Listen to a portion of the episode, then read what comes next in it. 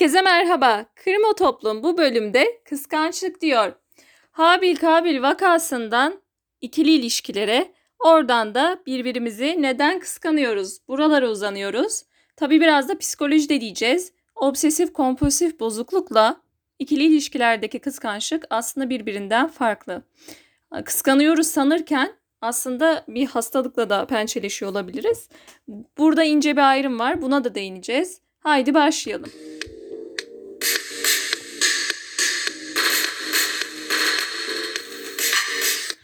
Evet, öncelikle biraz böyle tatlı bir konuyla giriş yapmak istiyorum. Genel ve çok özel ilişkilerin sakıncalı el kitabı. Bedri Baykam'ın yazdığı bir kitap var. Kültür sanat bültenlerini izlemeyi, takip etmeyi seviyorum. Ve o bültenlerden birinde Bedri Baykam'ın röportajına yer verilmişti. Kendisi bu kitabını anlatmış mesela. İlginç geldi. Neden böyle bir başlık seçmiş? Kıskançlıklardan bahsetmiş biraz çünkü eserinde. Toplumun bugün anladığı anlamda aldatma diye bir kavram yoktur. Tersine ömür boyu başka hiç kimse ilgimi çekmeyecek ve önümüzdeki 60 yıl başka hiç kimseleri beğenip ilgilenmeyeceğim ilizyonu ile toplumun tüm katmanları aldatılmıştır diyor. Bütün ilişkilerin sosyolojisi ve akışı bu ilizyona dayalı yanılgı üzerine kurulmuş. İnsanlar doğdukları andan itibaren aşılanan bu kodlarla şartlandırılmışlar. Böyle bir sonsuz tek eşlilik dayatması demiş. Vay vay vay. Vallahi kadınlar ve erkekler bana kızmayın. Ben şu an tanıtım bülteninden neler söylenmiş onu okuyorum. Böyle bir sonsuz tek eşlilik dayatmasına insanların çakılıp kalmasını beklemek, kuşlardan bayramlarda veya Noel günü uçmamalarını beklemek kadar saçmadır. Ama şimdi evrimsel olarak insanı işte hayvan kategorisine sokmakla bu eşdeğer bir anlayış. Ama insan düşünen bir varlıktır lütfen. Öte yandan insanlar bir de aile kavramına, anne baba sevgisine odaklanarak yaşamaya alışmışlardır diyor. Aile kurma güdüsünün temeli olan aşk. İnsanları köreltip onlara en büyük güç ve zaaflarını derinliklerinde hissettiren temel bir duyudur. İnsanların tüm ömrü bu okuduğunuz iki paragrafın uzlaşmaz görünen çelişkileri arasında çarmıha gerilerek büyük oranda ömürleri boyunca işkence görerek geçer. Yani bir tarafta hayvani dürtüler, bir tarafta toplumsal bir yönü olan insan ve onun aşk duygusu, aile kurma güdüsü, ince hisler diyor. Bedir Baykam genel ve çok özel hayatların sakıncalı el kitabında. Bu en tehlikeli konuları ve içerdikleri tabuları elinin tersiyle iterek mizah, bilimsel araştırma ve somut verileri geçmiş ve bugün üzerinden çalkalayarak giderken yaklaşmakta olan robot partnerlerin tehlikeli gölgesini ve bu kıskançlık kavga gürültüleri içinde geçip giden o kısacık hayatımızın esas değerini okuyucuya hissettirmek istiyor. Bu yaşanılan ikilem içerisinde bir de robotlaşıyoruz. O yönü de var. İleride neler olacak diyor. Ve bu üçlem içinde hatta işin içine robotik durumu da katarsak kıskançlık. Bedir Baykam aslında bunu ele almak istemiş. Farklı bir eser okumadım. Kırmızı Kedi yayınlarındanmış. 2022 daha da yeni baskı yapmış. Dediğim gibi kültür sanat bülteninde görüp ilgimi çeken bir eser oldu. Bedir Baykam kimdir? Tersten gittim. İşin ilginç kısmını verip civcivli kısmını ya da diyeyim verip şimdi biyografiye. Bedir Baykam 1957 yılında Ankara'da dünyaya gelir. Kendisi ressam ve farklı aslında bir kimliği kişiliği var. Bu şekilde öne çıkıyor. Tabi sanatçı yönü de vazgeçilemez yani. Gerek resimleriyle gerek kitaplarıyla öne çıkan bir sanatçı kendisi. Kendisinin bir Amerika macerası da var. Hatta orada ırkçı bir tutum sergilendiğini söylüyor Asya kökenli olanlara karşı. Siz birlikte sergi açın bizim sergimize gelmeyin minvalinde bir şey denmiş. Bedir Baykam da toplamış o kişileri sanırım ya da tek kendiydi. Yanlış söylüyorsam kusura bakmayın. Gitmiş o sergiye. Basmış orayı yani. Ben de varım demiş. Kendisi böyle renkli bir kişilik. Şimdi ikili ilişkilere biraz gelelim. Hani orada neler oluyor bitiyor.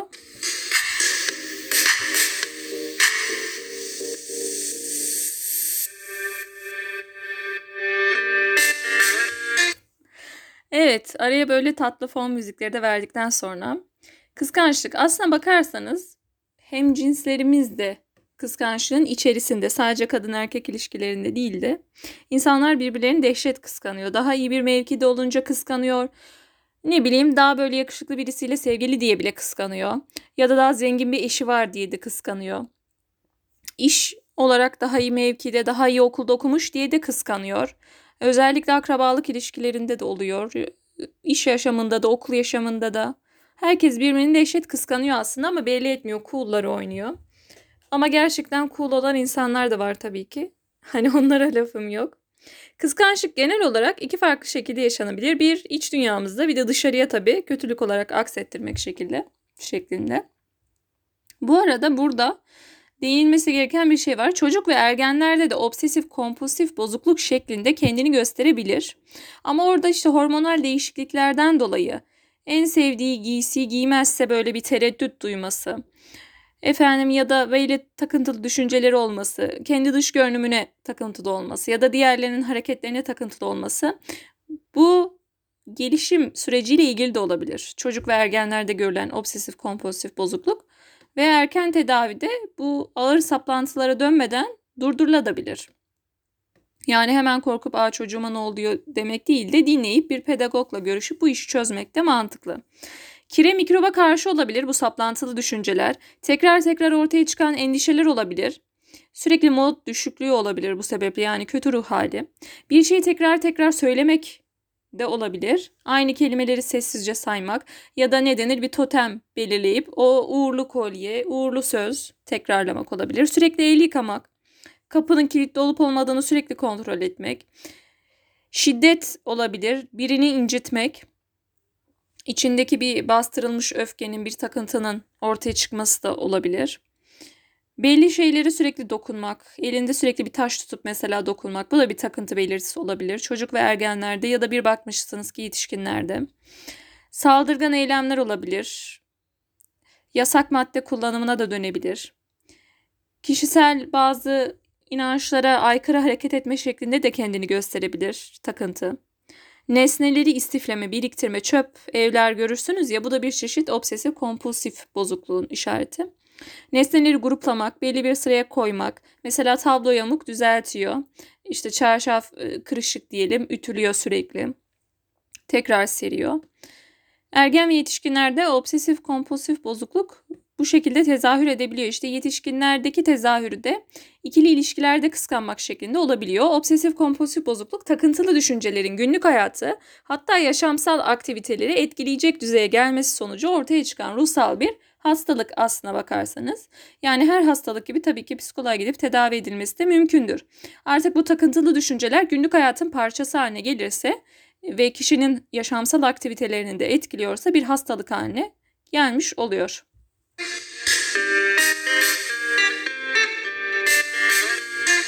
Şimdi bu şey değil. Ah kırmızı kazak almışsın bedeni şuymuş. Ben de o rengi çok severim. Bana çok yakışır. Neden önce ben görmedim? Değil yani. İnsanlar birbirlerinin kuyusunu kazmaya varıyorsa ya bu filmlerde dizilerde gördüğünüz bunlar aslında psikolojik hastalık. Yani patolojik vakalar. Böyle şey değil. Ah sadece onun eşini kıskanmış. Yok işte şirkette hissesi varmış. Hisselerini almaya çalışıyorum. Hani bu malum diziler gibi. Böyle bir durum yok. Bunun ötesine de geçiyor artık. Mesela kişi sürekli arıyor olabilir. Takıntılı olarak ya bu da bir şekilde psikolojik şiddet aslına bakarsanız. AVM'ye gitmişsinizdir arkadaşlarınızla size sürekli mesaj atıyordur. Bir dakika geç cevap verdiniz mesela kişi diyor ki neyden çekiniyorsun? Neden bana cevap vermedin? Yanında kim var? Ve sürekli artık şey selfiler yanınızdakiyle etrafla bak buradayım. İşte aslında bunu biz hani seven kıskanır sanıyoruz ama seven değil hasta olan da kıskanabilir. Aradaki ayrımı görmek lazım. Tabi seviyorsanız da kıskanılır şimdi. Oraya girmiyorum. Ama burada kastetmek istediğim insanlara hayatı zehir edecek ve kendinize de hayatı zehir edecek bir husus varsa burada hastalık da söz konusu olabilir. Şimdi kıskançlığın patolojisi. İşte basit, şairane, ah kıskanırım seni ben kıskanırım kendimden bu nasıl aşk Allah'ım, öleceğim derdimden kadar basit ve masum olmayabilir.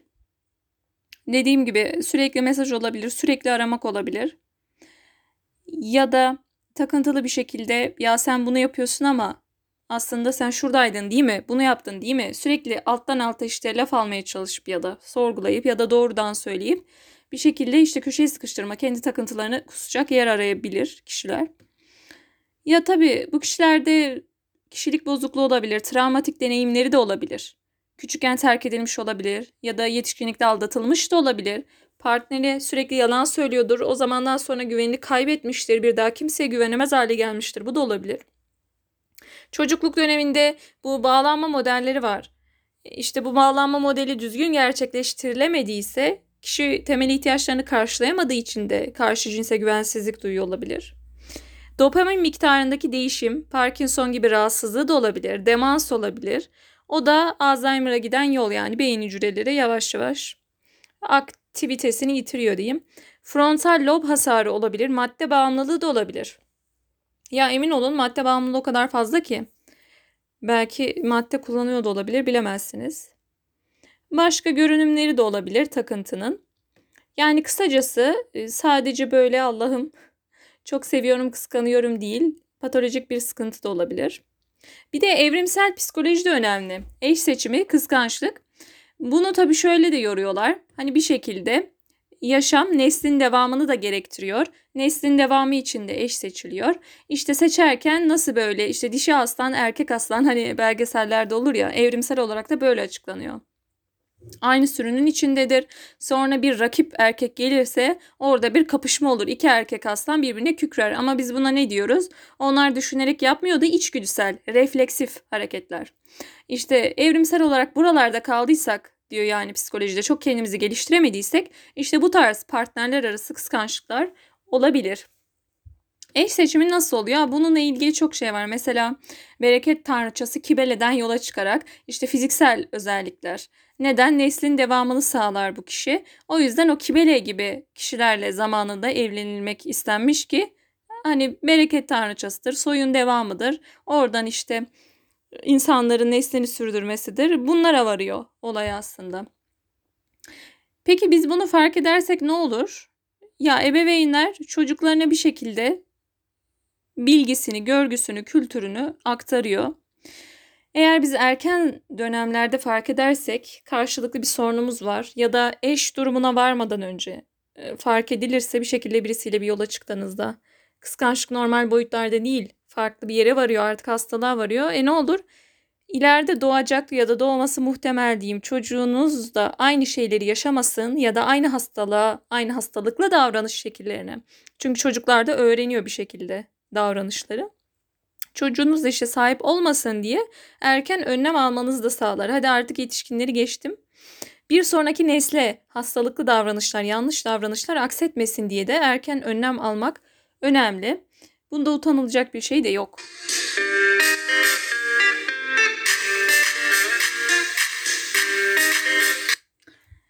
Evet, bu arada bu Habil Kabil olayından da ufak bahsetmiştim. Aslında tarihte işlenen ilk kasten öldürme vakası olarak biliniyor. Tabi bu dini olarak.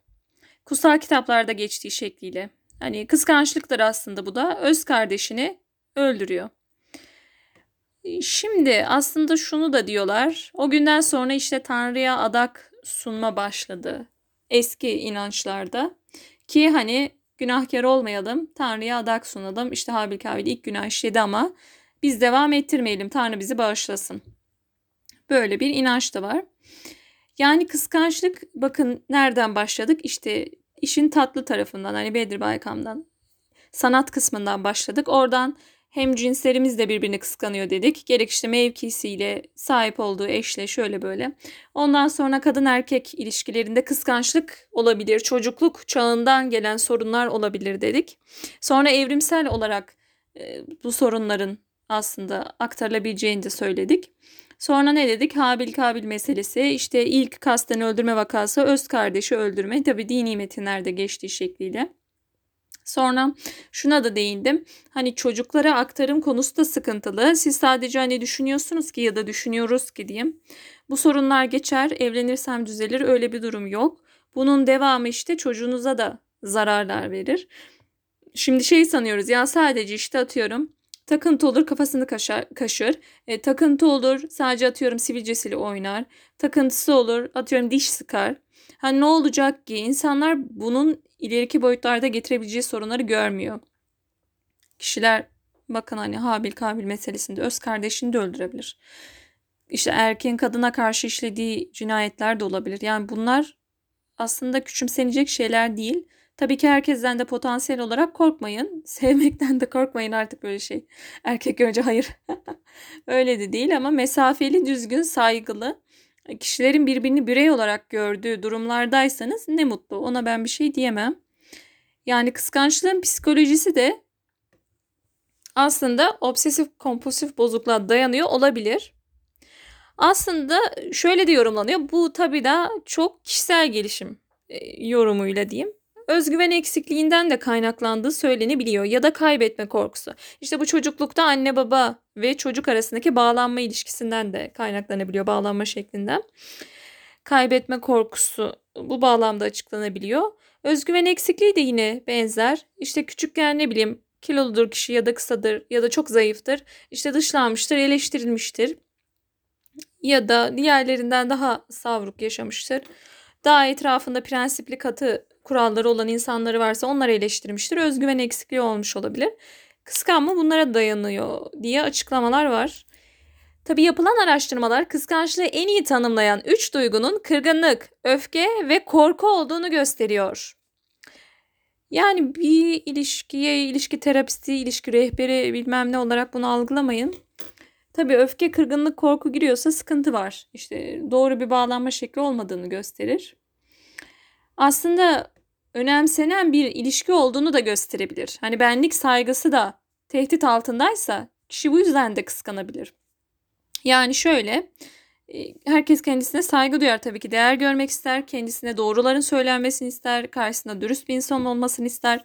Ama araya işte kırgınlık, öfke, saplantı yaratacak e, kötü olaylar girdiyse benlik saygımıza zarar gelir ve bu da kıskançlığa neden olabilir.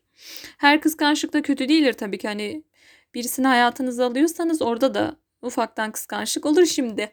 Ah şimdi atıyorum 1.70'siniz tamam mı? 1.80 bir kız gelmiş falan voleybolcu havasında. Kıskanırsınız yani niye kıskanmazsınız bu da olur. Ha, mavi gözlü sarışın falan Allah. Orada kız hemen koluna girer büyük ihtimalle işte hayatındaki kişinin. Bunlar da olur. Bunu benlik saygısı kategorisine alıyoruz. Ee, bunu saplantılı noktaya almıyoruz. Ama dediğim gibi saplantılı bir hale girdiyse işte kişiyi asla yalnız bırakmıyorsunuz sürekli yanındasınız. Otogara götürme gibi böyle tatlı şeylerden bahsetmiyorum. Sürekli mesaj atma sürekli arama sonra sürekli suçlama. Sen zaten böylesin. Tabi buna flört şiddeti de deniyor toksik ilişki olarak da adlandırılabiliyor. Sürekli kontrolcü davranış. İşte sen böylesin, sen şöylesin, sen bir kızlasın ya da sen bir erkeklisin değil mi? O yüzden mi açmadın etmedin falan. Onlar işte toksik ilişkiye hem de flört şiddetine de giriyor. Evet, kardeş kıskançlığı da olabiliyor. İşte bu sadece ah beni kıskandı değil yani. İmrenme ile kıskanma farklı. Dediğim gibi imrenme şu olabilir. Ayakkabısı çok güzeldir. Ah çok güzelmiş dersin. Ama gidip ayakkabısı güzel diye sen o kişinin ayağına basıyorsan orada hastalık vardır. İşte ikisinin arasındaki farkı izah edebildiğimi düşünüyorum. Ve bölümün kaç dakika olduğuna hemen bakayım. 18 olmuş. Haydi bitirelim. Saygılar, sevgiler diyelim.